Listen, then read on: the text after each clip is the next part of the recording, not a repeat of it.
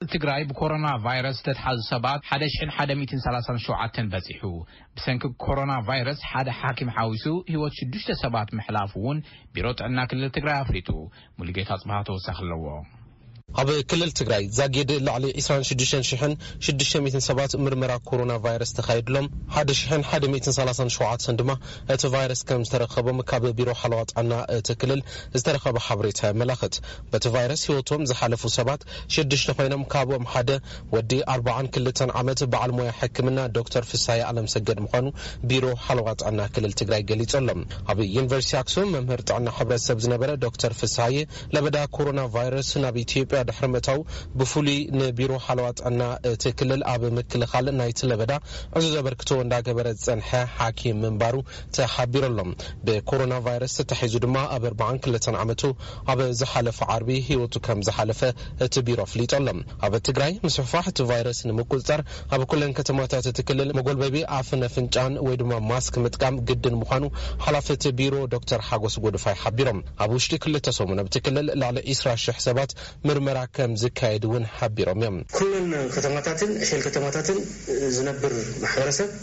ማስክ ክገብር ኣለዎ ግዴታ ክኾን ኣለዎ ዝብል እዩ። ልክዕ ከምቲ ናይ መቐለ ዝነበረ ኣብ ኩለን ከተማታት ኣብ ኩለን ዕሸል ከተማታት ህዝቢ ዝእከበሉ ከባቢ ስለ ዝኾነ ኩሉ እዚ ከኣ ማስክ ክገብር ክኽእል ኣለዎ ዝብል እዩ።